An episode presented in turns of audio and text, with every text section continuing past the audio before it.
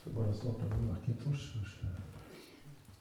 Där kom Herre, vi tackar dig. Vi tackar dig för att du har kommit med Guds rike till oss. Detta underbara rike där du ska upprätta allt det som gick förlorat en gång i Edens lustgård. Vi tackar dig Herre för ditt rike mitt ibland oss, i oss, omkring oss. Och att vi Herre, att du har kallat oss och gjort det, gett oss det fantastiska förtroendet att vara bärare utav ditt rike ut i denna värld. Herre, hjälp oss att se att ditt, ditt rikes möjligheter och ditt rikes styrka och ditt rikes kärlek och glädje och frid och allt vad det innehåller. Den läkedom och den kraft den besitter. Herre, vi ber dig att vi skulle liksom rycka det åt oss, så som du säger att människor gör. Och att du, Herre, för vi vet, Herre, att du har gett oss detta. Vi skulle vandra i det och vila i det. Ja, detta ber vi om nu. Och vi ber om den heliga Ande över den här stunden. Kom du heliga Ande över var och en utav oss. Kom heliga Ande.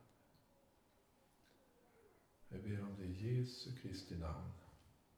Amen. Ehm, jag tänkte att vi ska börja med bibelläsning direkt här idag. Så vi sätter igång. Varsågod och läs. Låt inte era hjärtan oroas. Tro på Gud och tro på mig.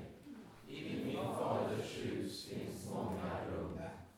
Om det inte vore så skulle jag då ha sagt er att jag går bort för att bereda plats åt er.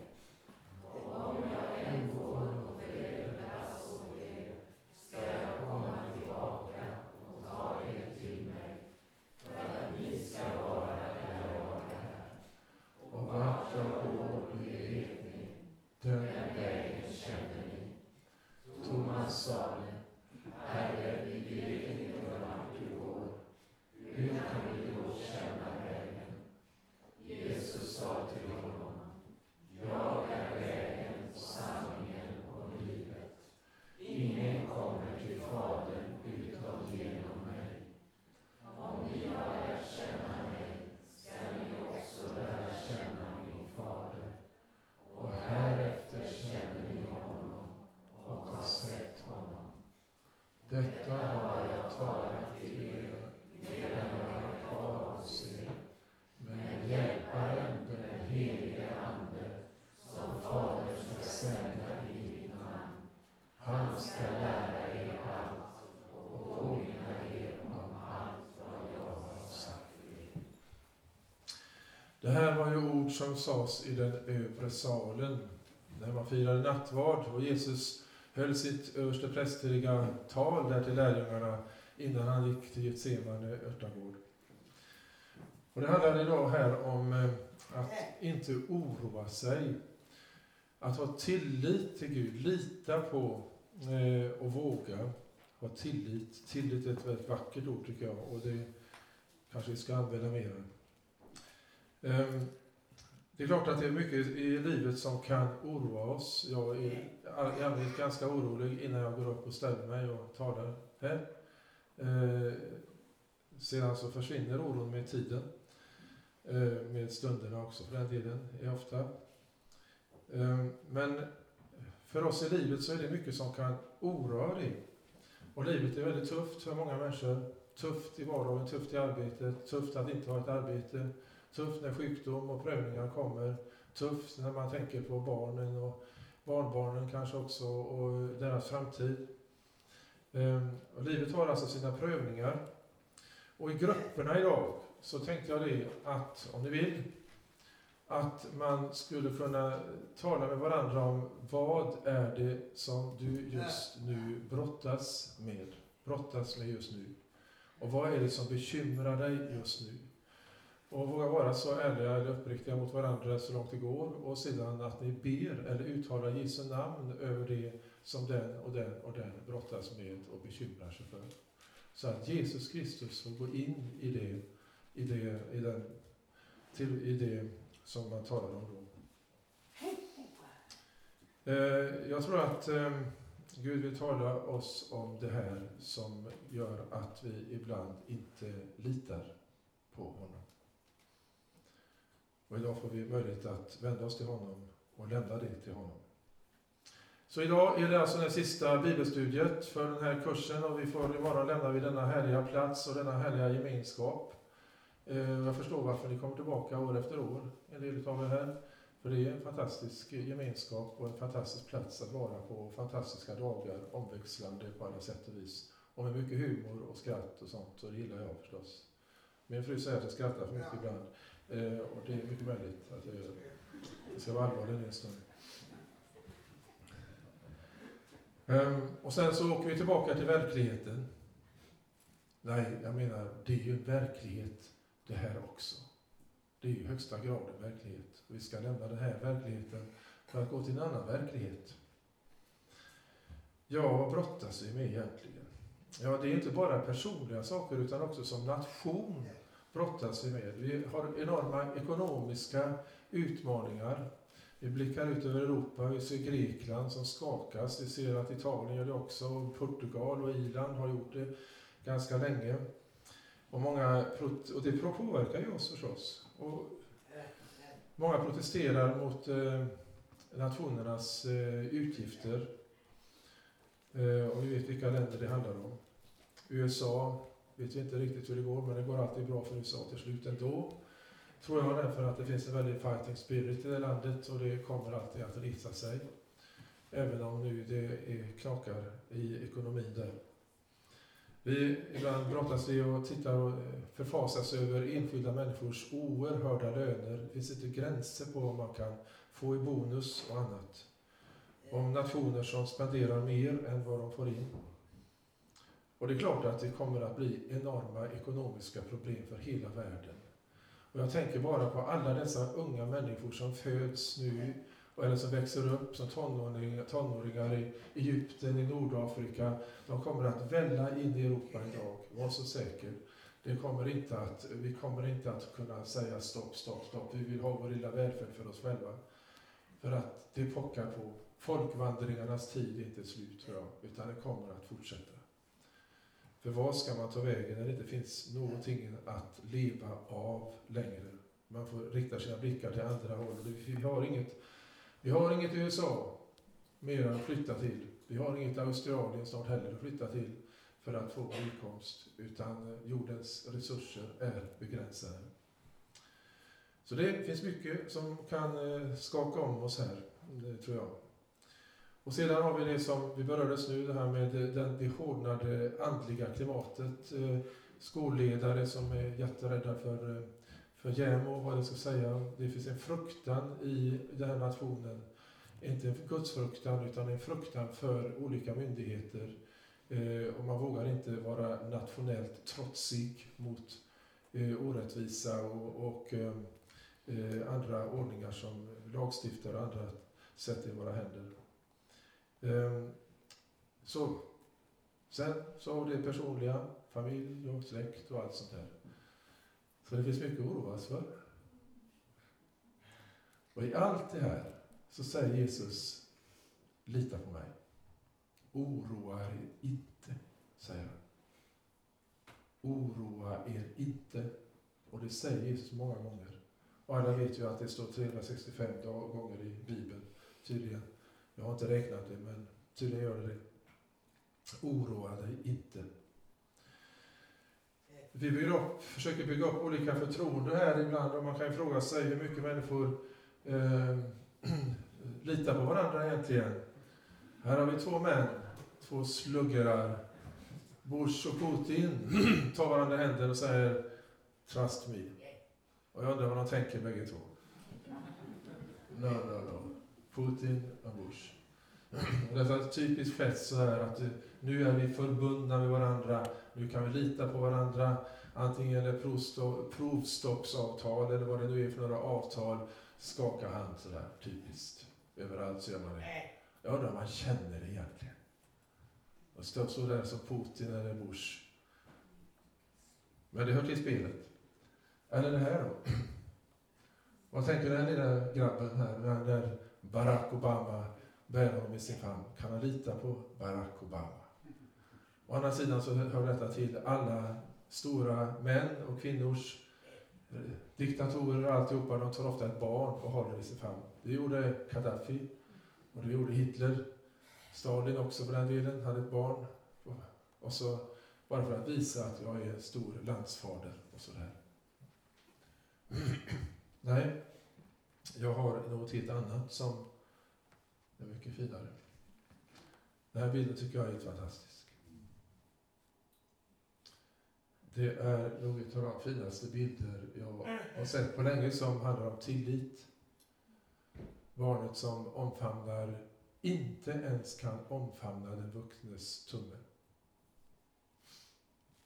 Ett barn som bärs utav den vuxne. Och där skulle vi vara då när det gäller vår himmelske far och vår broder Jesus Kristus och kungars kung och herrars herre och heliga ande som säger till oss, oroa dig inte. Lita på Gud betyder ju att tro och tro på Jesus, på Herren. Precis som en förälder håller sitt barn i handen. Och frukten utav detta är ju frid. Guds frid. Och vi, ni alla har ju kommit i kontakt med det här ordet frid i Bibeln, shalom, som betyder både harmoni och tillit. En, en, en harmoni som inte beror på vad jag upplever, utan som sträcks åt mig från honom som är frid, som är Guds frid. Det betyder ju inte det att inte oro kan finnas. Eh, som jag försökte förklara så kommer ju bero, bekymmer och oro en jämn ström. Och omständigheter oroas oss. Men då säger Jesus detta att mitt i detta kaos som du befinner dig i så kommer jag med min frid. Min frid ger jag er. Jag ger den inte som världen ger, utan min frid ger jag dig. Den heliga Ande kommer att leda er, säger Jesus, och undervisa er om allt vad jag har sagt. Och i detta finns också min frid ger jag er.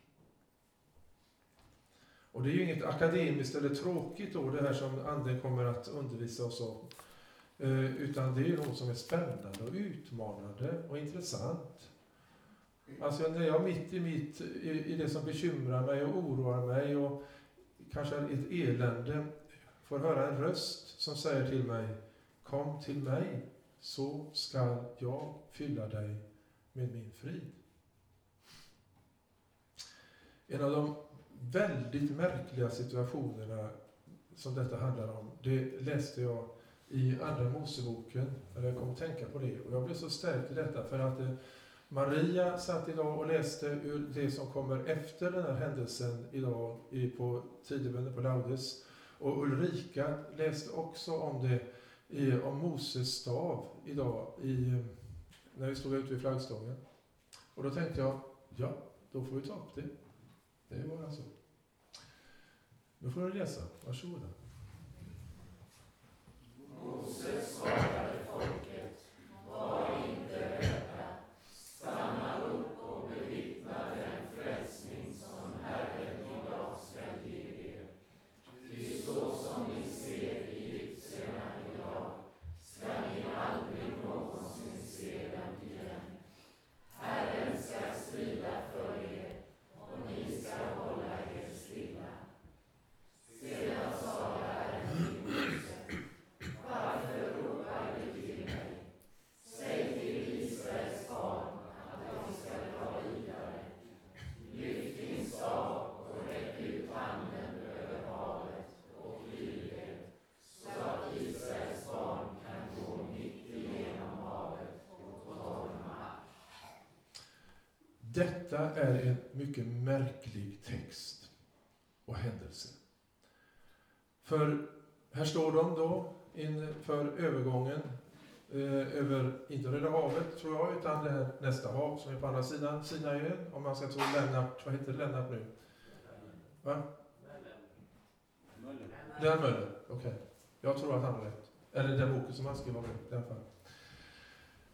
Men Läser ni här alltså? Vad är det står här egentligen? Jo, Moses håller på att coacha eh, folket här nu. Han tar upp och säger nu ska ni få se på grejer. Var inte rädda här nu och kom igen här. Gud ska göra under här. Det är bara att vänta här nu och kom igen allihopa.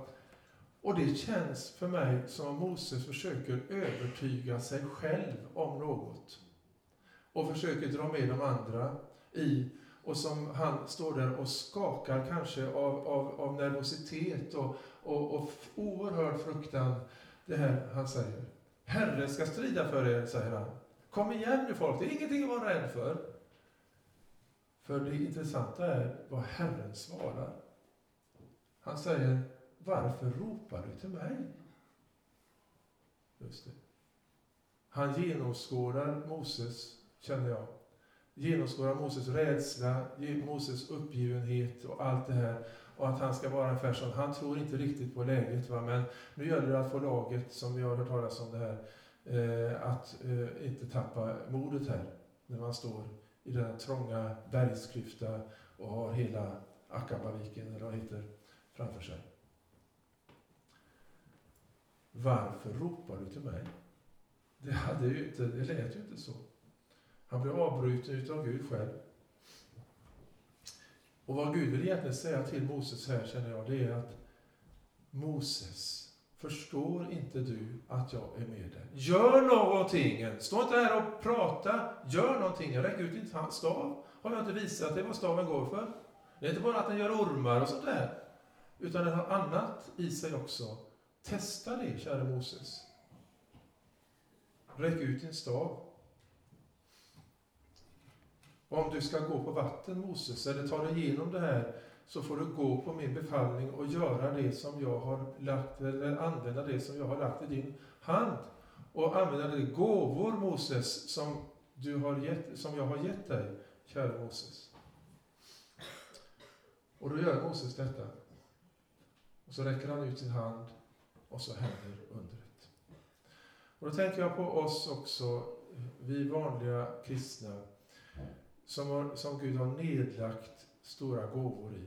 Och många gånger så vågar vi inte använda dem.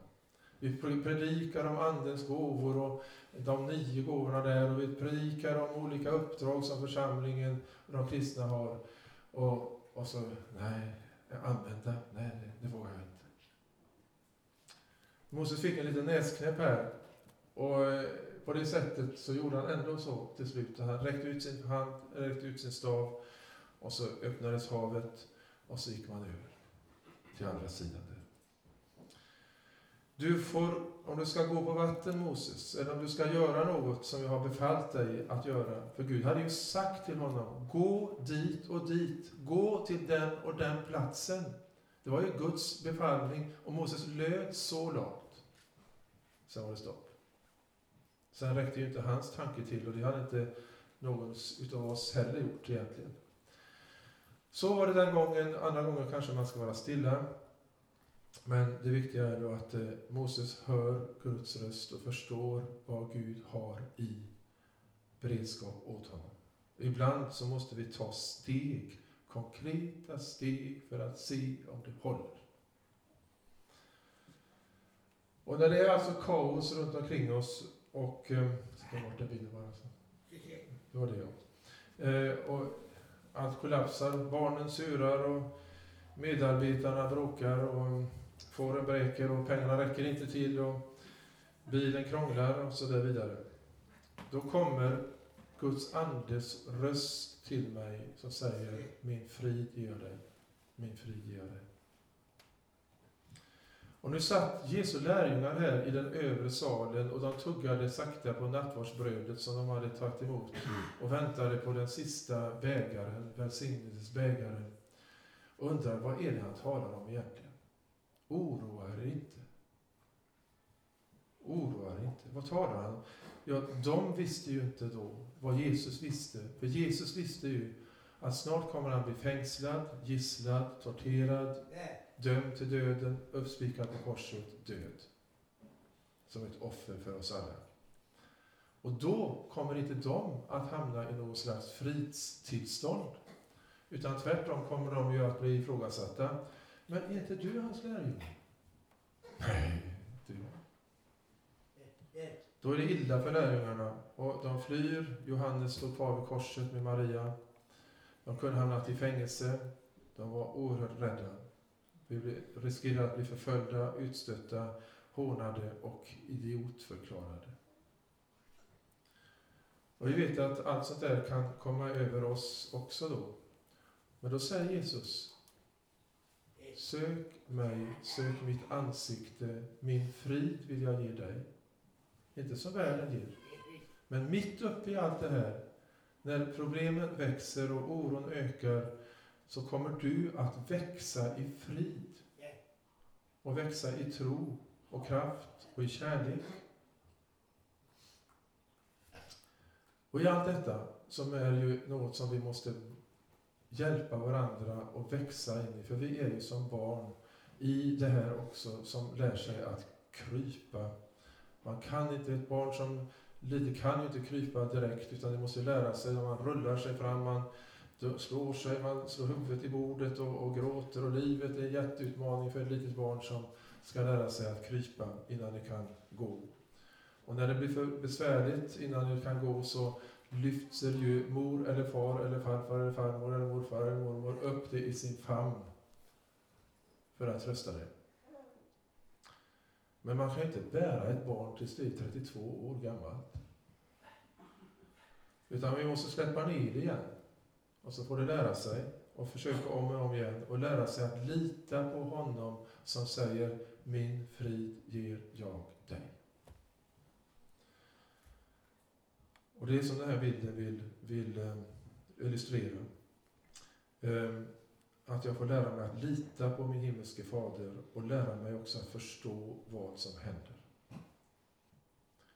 Det intressanta är ju hur Paulus Eh, förhöll sig i elände. Får ni läsa det också? Varsågoda.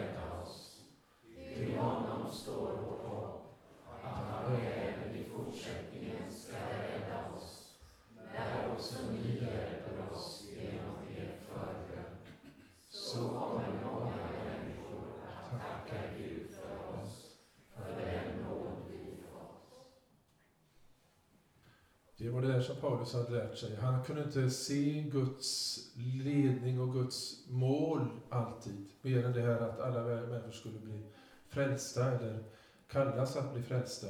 Så att han får vara som barnet som inte kan omfamna tummen.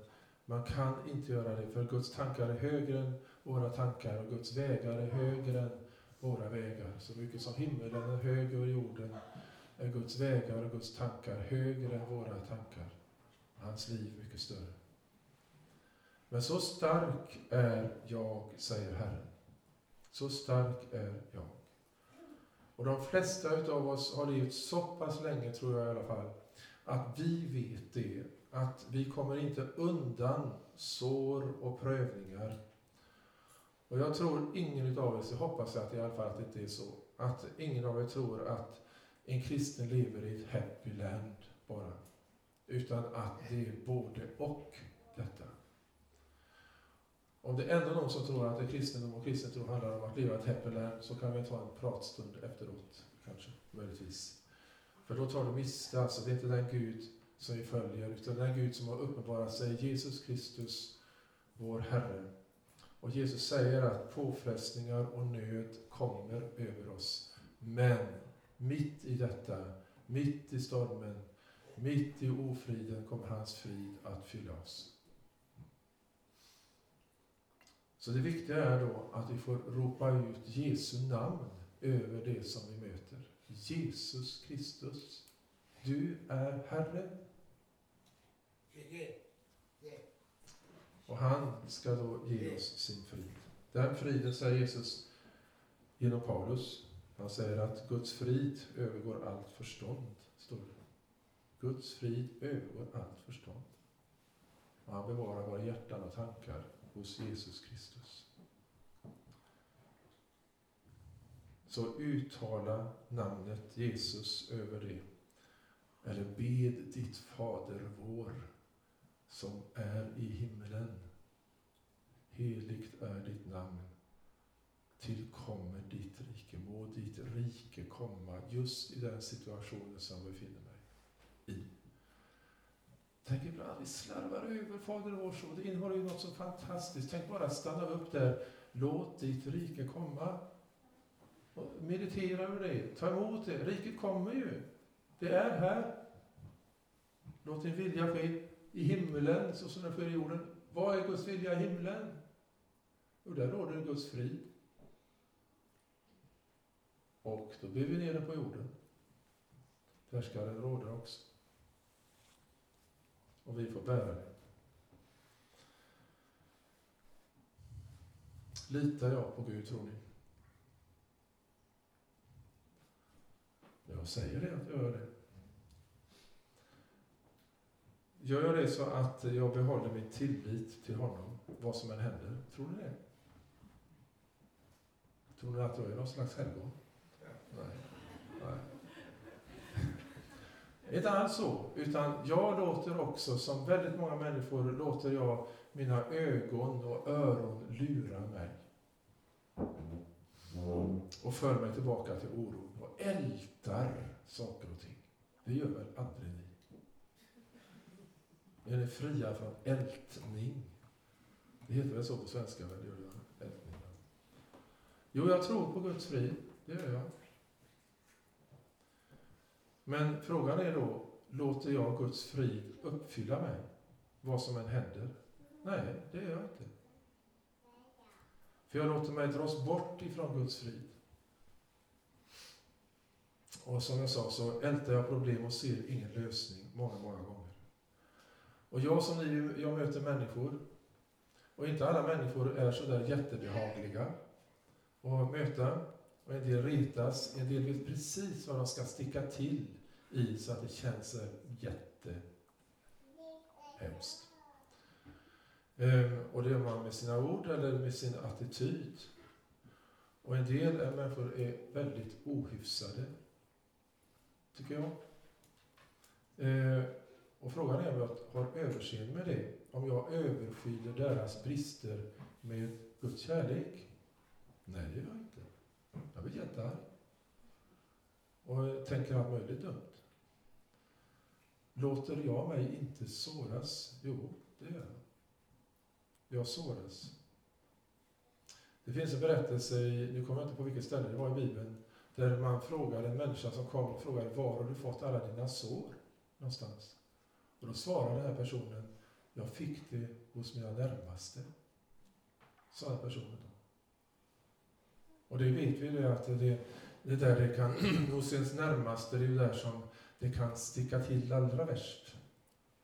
Den som känner mig utan och innan vet precis vilken skruv man ska vrida om lite grann. Sådär. Nu lever inte jag i ett sådant förhållande, men jag känner till det. Och ibland så vet jag ju att jag är genomskådad. Vad gör vi då? Jo, när allt det, här, det här är ju en övning för oss. Vi får ju praktisera det som vi säger. Vi får vända tillbaka när allt det här händer. När jag låter mina ögon och öron lura mig och jag ältar problemen, då får jag säga ändå till Herren, Herre, kom in i detta. Kom du heliga Ande och, låt, och tala Jesu ord till mig som säger oroa dig inte. Fyll mig med din kärlek Jesus så jag kan överskyla andras brister med kärlek. Gör det Jesus. Och det är en träning, vi får hålla på det jämt. Vi blir aldrig färdiga här. Helgon blir vi inte förrän i himlen. Så alla får vi jobba på det här och lära oss gå. Och lära oss bli burna utav Jesus så länge det heter idag. Nu är det väldigt intressant, tycker jag, att läsa Bibeln och se hur Jesu lärjungar bär sig åt när de hamnar i ofrid. Och det blir besvärligt. Och nu ska vi ta en tur med dem, tänkte jag. Så då får ni läsa igen. Det är mycket att läsa här idag. Varsågoda.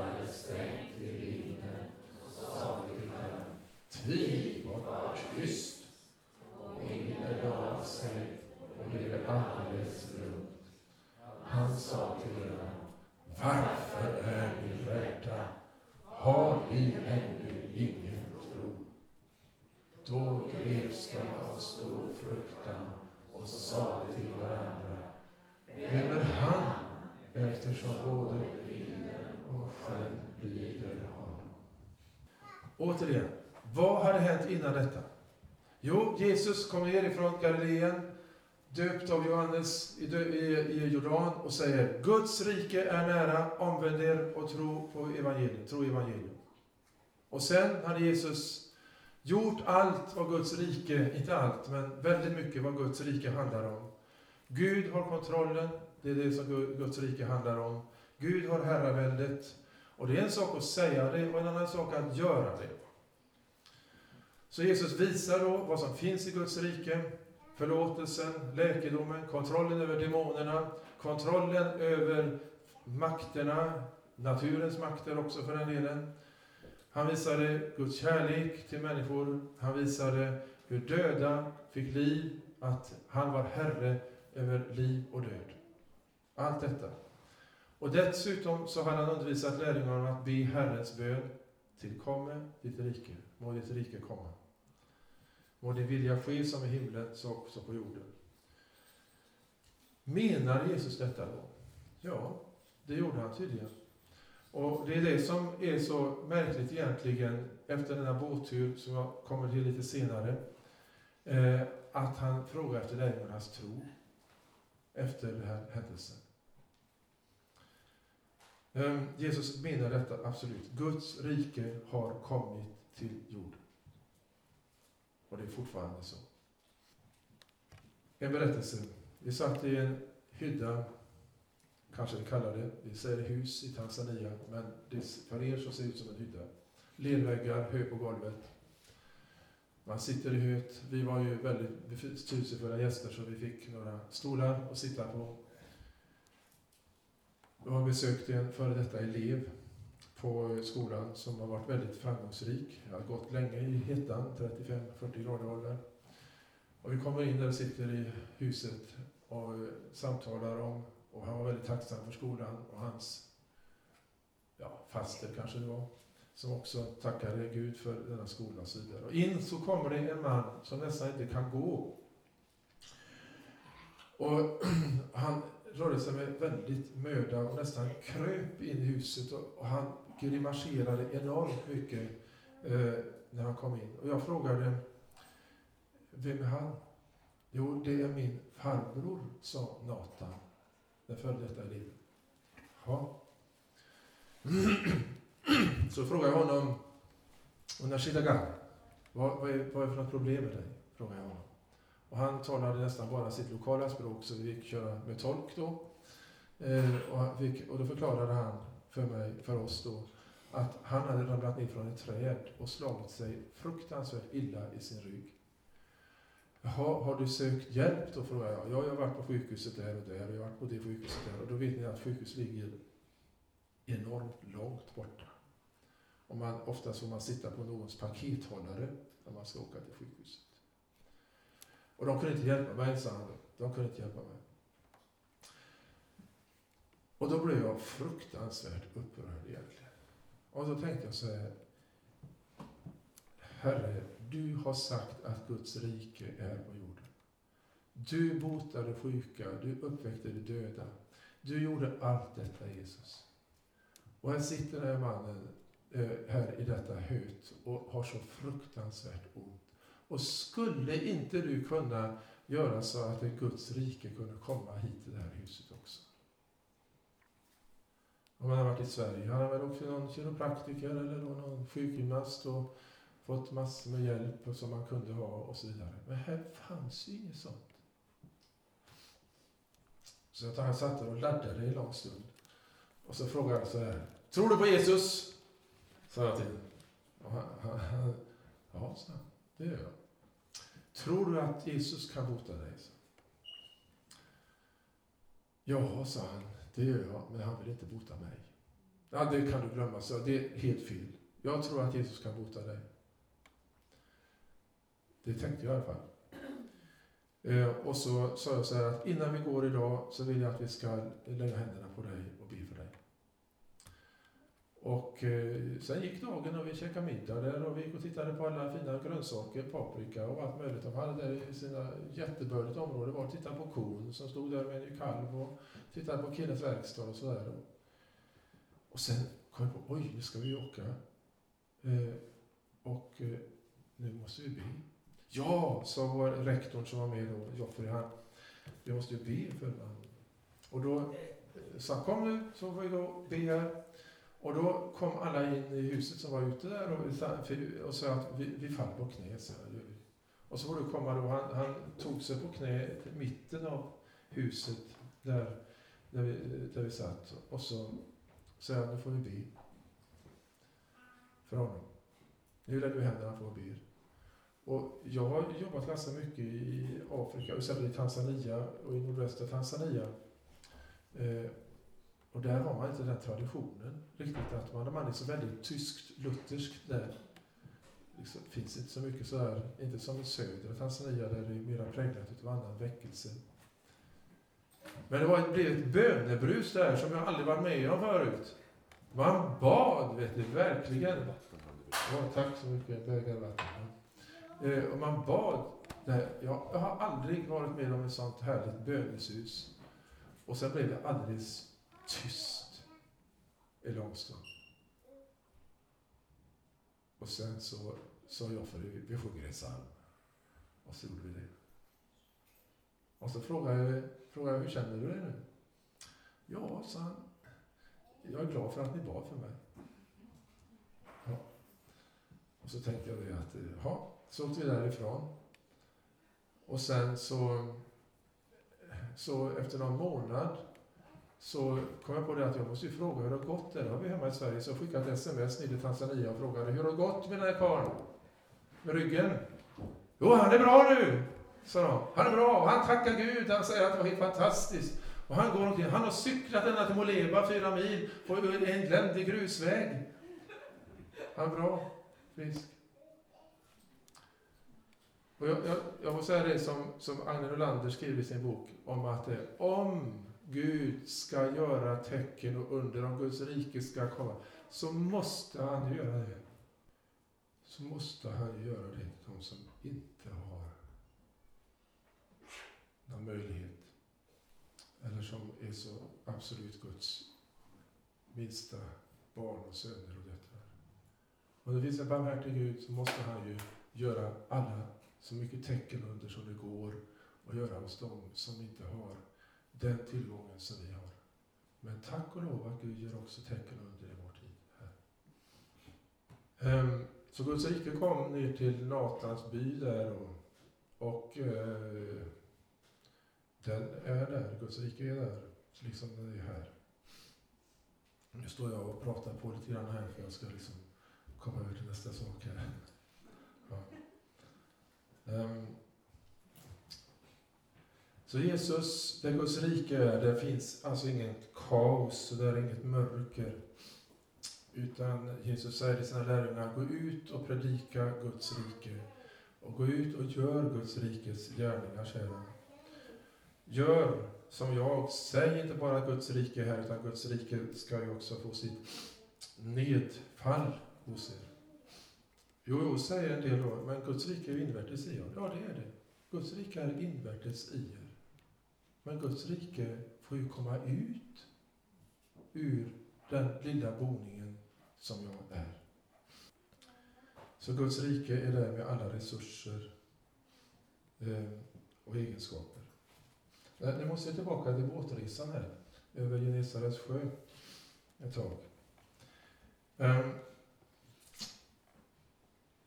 Jesus säger att låt oss ge oss över sjön. Alltså, Jesus befallde, han sa, låt oss åka över sjön. Precis som han sa till Moses, gå. Så gjorde de det. De tog med sig Jesus, står det här. Ganska roligt egentligen. De tog med sig Jesus, det var ju bra. I och för sig. Ja, men Jesus lade sig ner där och vilade. Och då har jag hört olika utläggningar av det. En del sa att Jesus var så fruktansvärt trött så att han la sig att sova. Han var så trött för han hade undervisat om Guds rike hela den dagen. Om eh, Sinapskornet och åkern och skatten i åkern och allt möjligt sånt där. Han var så trött. Men andra har sagt, har jag hört också, att Jesus sov räv. Att Jesus låg så här och sov med ett öga öppet så här. Halvöppet så där och tänkte att han väntar bara på att Jesus och lärjungarna skulle komma och be honom om hjälp och hämta honom. Eh, hur som helst, Bibeln säger att Jesus sov. Och jag tror att Bibeln har rätt. Jesus sov alltså. Punkt slut. Och så kom vågorna och vinden och alltihopa. Och de här väldigt, de var ju vana sjömän de här männen, de här Petrus, Jakob Johannes. Sebedeus söner, det var ju fiskare. De visste väl hur den här sjön uppförde sig, hur man skulle klara vågor och allt sånt där. Och de, dessa erfarna människor, blir alltså rädda. Rejält rädda. Så de går och väcker Jesus. Och så säger de, Mästare, bryr du dig inte om att vi går under? Tänk då, vem är det de tilltalar egentligen? Jo, de tilltalar ju honom som är världens frälsare, Guds enfödde son, som har kommit hit därför att Gud älskar världen. Det är honom de tilltalar och frågar, bryr du dig inte om att vi går under? Vet de vad de säger egentligen? Och Jesus är alltså Gud, han är Guds son, och de kommer med en sån här förfrågan. Och vad kallar vi en sån förfrågan egentligen? Bryr Jesus, vad kallar vi det för? Vad kallar vi det för? Hallå? Nej. Bön! Bön heter det. B-Ö-N. Ja. ja, det är bra. Det är bra, Viktor. Man ber honom som är himmelens, som vet att han just har vilat i en båt därför att han vet att min himmelske fader verkar, så verkar också jag. Som vi vet, som talar med sin himmelske fader om allt och gör, inte säger något och inte gör någonting om inte han har fått klartecken från sin himmelske fader. För det är treenighetens hemlighet detta. Han vilade i Faderns händer. Och Jesus visste vad som skulle hända. Jesus visste att de skulle klara sig över sjön. Annars hade inte han lagt sig och sova. Självklart. Skulle jag som barn väl ängslas då, sjunger Lina Sandell. Men på grund av lärjungarnas rädsla så ställer Jesus sig upp och så säger han i vår översättning här då, tig och var stilla. Egentligen säger han, håll käften. Eh, nej, det var lite grovt, förlåt mig. Men orden här betyder dels bli stilla. Det är inte shalom han kommer med här, men det ordet betyder bli stilla och sätt munkavel på, ungefär. Det betyder ordet, ordagrant. Och så blir allt lugnt. Vem kan göra så att havet blir stilla? Jo, den som är fylld utav Guds frid förstås. Guds frid som övergår allt förstånd. Som gjorde att han kunde sova mitt under stormen. Han som är underbar i råd, väldig Gud, evig fader, fridsförste, Prince of Peace. Det är han som gör detta. Han som besegrar Satan med sin mun, med sitt ord. Och då är det så att vi kan endast ge ut det som finns i oss. Och det som fanns i Jesus var Guds enorma frid. Guds enorma kraft.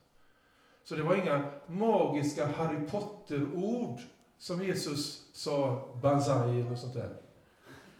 Eller vad det är för något? Nej, det var japanska. Utan, utan faktum var att han bar Guds frid, han är Guds frid mitt i denna stad. Han bär Guds rike. Och Guds rike besegrar det som är av ondo. Och här var stormen och det, och det. Han är Guds rike. Och i Guds rike där finns fridsfurstens makt. Och då kommer alltså det här väldigt märkliga. Är ni med fortfarande? Är ni vakna? Bra. Då kommer alltså det här märkliga. Jesus säger Varför är ni så rädda? Har ni ännu ingen tro? Varför, säger han så. För är ni med nu alltså? De var rädda och de gick till Jesus med bön. Är inte det tro? Ja, men, ja, men det har vi ju lärt oss ändå att det är tro. Och Jesus svarar och säger, har ni ännu ingen tro? Hur ska vi få ihop det? Och det finns ju en väldigt viktig förbindelse mellan bön och lydnad. Bön och att göra, bön och att våga. Om kyrkan ber och ber och ber och ber och ber och inte får det man får, det man ber om, då kan man ju alltid säga att ja, Gud han är trött på oss och han vill inte ge oss det vi ber om. Vi ber på något annat sätt, vi har syndat och vi har burit oss åt. Ehm, och man säger, har du verkligen all makt Gud? Och naturligtvis är det många människor som har fått sin bröd, eller sin tro stärkt genom bönesvar, det vet vi. Men det är inte alltid så. Men jag tror att Jesus förväntade att få se den auktoritet eller den tro som han hade gett dem redan i funktion här. Annars är det helt ologiskt att han frågar vad är er tro? Och det handlade om att de inte bara skulle komma då och be honom, utan han hade sagt så här, ja, jag har gett er all makt. Jag har gett er makt, inte all makt, jag har gett er makt att trampa på ormar och skorpioner och att stå emot fiendens hela styrka och ingenting skall skada er, säger Jesus. Det säger han i Lukas 10 kapitel. Så vad jag förstår så hade Petrus kunnat ställa sig upp och sagt till stormen, tig och var stilla. Och den hade stillat. Pang, bom. Om Guds rike fanns i Petrus så skulle han kunna säga så. För Guds rike var Jesus fylld av och han sa så. Tig och var stilla. Eller så har de vilat i det och, säger, och ryckt på axlarna och stormen och sagt ja, om Jesus har du sagt att vi ska köra över, åka över sjön nu och det stormar, så kommer vi göra det. Och vilat i det istället. För Guds rike är invärtes i er. Så de bad istället, tänker jag, istället för att vara, okej, okay, radikalt lydiga. Jesus hade befallt dem att få resa över sjön. Så det var Guds vilja att de skulle komma över på andra sidan. Och Jesus vet att de kommer över. Därför sover han. Och han hade sagt till lärjungarna en gång att om du har tro som ett senapskorn så skulle du kunna säga till det berget där, häv upp dig och kasta dig i havet och det ska lyda dig så. Menar Jesus vad han säger, eller inte? Och jag har brottats så oerhört med den här våren, är det vår nu? Det är sommar nu. Alltså, det här året med det här med hemligheten med Guds rike. Så i vårt församlingshem hemma i Hunnebo så har vi satt upp på en av pelarna i församlingshemmet, har vi skrivit upp alla bibelställen där det står om himmelriket och Guds rike. För jag tror att ibland så har vi fastnat i någon slags systemfel i kyrkan. Eh, jag kan ha fel. Men, men, men på något sätt, när jag ser på Jesu lärjungar och när jag, när jag hör det här som Jesus säger, så har jag svårt att tro på att det, det, det, det är någonting som inte riktigt är som det ska vara. Och därför har vi tänkt nu det här året i alla fall att vi skulle läsa om Guds rike och vi skulle studera om Guds rike och vi skulle be om Guds rike och vi skulle uppmuntra till varandra att våga vara Guds rike. Men först naturligtvis söka Guds ansikte. Först gå in i din kammare och be till Fadern som ser i det, som ser i det fördolda. Eh, och söka hans vilja i den situationen. Det, det gjorde Jesus. Han bad hela nätterna igenom. Eh, och vi måste ju också söka Guds vilja. Herre, Herre, vad är det min uppgift? Vad ska jag göra? Vilka gåvor har du gett mig? Hur ska jag bruka dem? Herre, hjälp mig. Och sen att göra det också, även om man möter berg av motstånd. För det är en sak att vara i den fördolda platsen. Och, men ute bland människor så kanske det inte alltid är tid för bön. Utan jag får tala med Gud i det fördolda, söka hans hjärta, men där ute i offentligheten får våga praktisera den auktoritet, eller den tro, eller den makt som han är given. Han har givit oss. Jesus säger i Johannes 14, 14, det vet vi när jag läst många gånger, att vi ska göra Jesu gärningar där. Då tänker jag så här, om jag vågar göra det någon gång, det vet jag inte. Jag går till Konsum och handlar och träffar någon tant som har ont i benet. Och så står hon där och frågar, hur är det med dig? Ja, jag har så ont i mitt ben. Ja. Och jag, ja, det är synd om dig, så har du varit hos doktorn? Ja, men det hjälper inte, det går inte över. Och då tänker jag mig så här, att jag säger så här, ska, vill att jag ska be Jesu kraft och Jesu rike ner i ditt ben. Eh, då tänker jag att jag ska göra så. Och så gör jag det. Och så kommer Guds rike till hennes ben och så springer hon ut därifrån. Är det barnsligt tycker ni? Fruktansvärt barnsligt. Ja. Men alltså, så gjorde ju lärjungarna. Standarden i, i, i Nya Testamentet, det är ju det som står i missionsbefallningen. Gå ut och göra folk till lärjungar. Döp dem i Faderns, Sonens och Heligandets namn. Och lär dem att göra, hålla allt det jag har sagt. Nu står det så olyckligt i vår översättning, att hålla alla dina bud. Och det, då tänker folk så här, bud 1, 2, 3, 4, 5, 6, 7, 8, 9, 10. Det handlar inte om det, handlar om allt vad Jesus har sagt, att göra detta alltså som Jesus har sagt också. Och tro att det fungerar. Det vet jag aldrig, jag kommer nog aldrig att få göra det, men jag tänker mig att församlingen ska göra det. Jag kan predika om det på söndag och så ska de gå ut och göra alltihopa, så slipper jag det. Men jag tror att det ligger en stor, stor, jättestor hemlighet i Guds rike. Och att Guds rike är något mycket större om vi förstår och att vi ska praktisera detta och våga göra det. Ta ut svängarna ibland eh, i, i den värld som vi lever i. Och varför ska vi göra det? Därför att, jo, för att, jag ska sluta alldeles strax för det går att ta alldeles för lång tid. Um, därför att Bibeln har gett ett namn åt Jesus som står i Haggai, det andra kapitlet. Där står det, men det står tyvärr inte så på svenska. Det står på King James version, den här engelska goda gamla. Där står det så här, att Jesus är the desire of all nations will come. The desire of all nation will come. Alltså att allt det som alla nationer längtar efter djupast sett är Kristus. Och på något sätt så måste Jesus bli synlig mitt ibland oss. Inte som en tung ryggsäck, utan som, en, som ett fantastiskt evangelium. Så att allt vad människor längtar efter här på jorden, Ehm, utan att veta om det, det, det är Jesus. Och om evangeliet om riket ska predikas för alla folk så handlar det inte bara om munnar som ska, som ska upprepa ord så här, utan det handlar om att evangeliets gärningar också ska bli synliga. Kärlekens gärningar som lika mycket som glädjen och, och friden, men också eh, eh, läkedom, helande och allt det här, stora under och tecken, ska ske. Och Jesus kommer ju inte tillbaka nu innan han kom tillbaka för sista gången eh, och predikar om detta, utan han har ju gett kraften och uppdraget och makten till sin församling.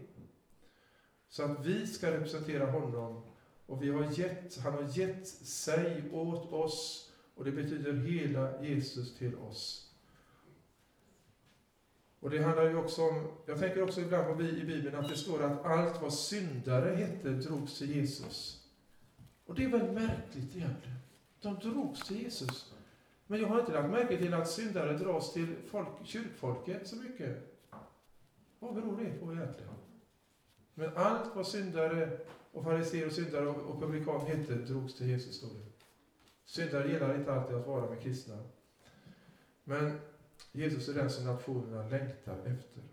Och jag tror det att ju mer evangeliet demonstreras genom oss, ju mer kommer det som längtar efter förlåtelse och läkedom och mening i sitt liv att komma nära oss. Jesus helade sjuka, han bad inte sjuka, det har man hört många gånger folk har sagt. Han bad inte sjuka, han helade sjuka, han talade till sjukdomen och människor blev friska. Ehm, jag menar, jag menar inte det att det skulle vara fel att be för sjuka. Det står i Jakobs brev, trons bön botar den sjuke. Står det, trons bön. Så det är klart det, det är helt tillåtet. Två minuter kvar. Men Jesus, han gjorde det som var på Faderns hjärta. Och det är det vi också, vi ska söka Faderns hjärta, söka Guds närhet som. Standarden då i Guds rike, det är det som Jesus sände ut sina lärjungar till att göra, utföra. Nu har jag väldigt mycket mer att säga er idag, men jag märker det att eh, tiden rinner ut. Och eh, det har varit fantastiskt roligt att få tala här idag, eh, de här dagarna. Och eh, jag tycker att det absolut det roligaste som finns i livet, det är att få hålla bibelstudium och predika. Får jag inte göra det så vet jag inte vad som händer. Eh, men jag tycker också det är fantastiskt underbart att få, att få se att Gud verkar. Och att Gud vill ta oss alla i sin tjänst på det sättet som jag har försökt tala om här idag. Jag tror att det är en hemlighet i Guds rike som vi inte riktigt har fått fast i, fått fatt i. Och vi skulle vara mycket mer frimodiga och be Gud om frimodighet eh, och bli fria från den här fruktan, människofruktan och allt vad det är och folk ska säga eh, eh, när, vi, när vi är ute i våra olika kallelser och uppdrag och sånt där. Därför jag också tror på att, att det blir en, ett, en väckelse i Sverige också. Det kommer, var så säker. Prästerna i 1900-talets början, de sa det är ingen idé, vi stänger butiken. Och så kom väckelsen. Underbart, eller hur? Halleluja, får vi säga. Jesus lever. Amen.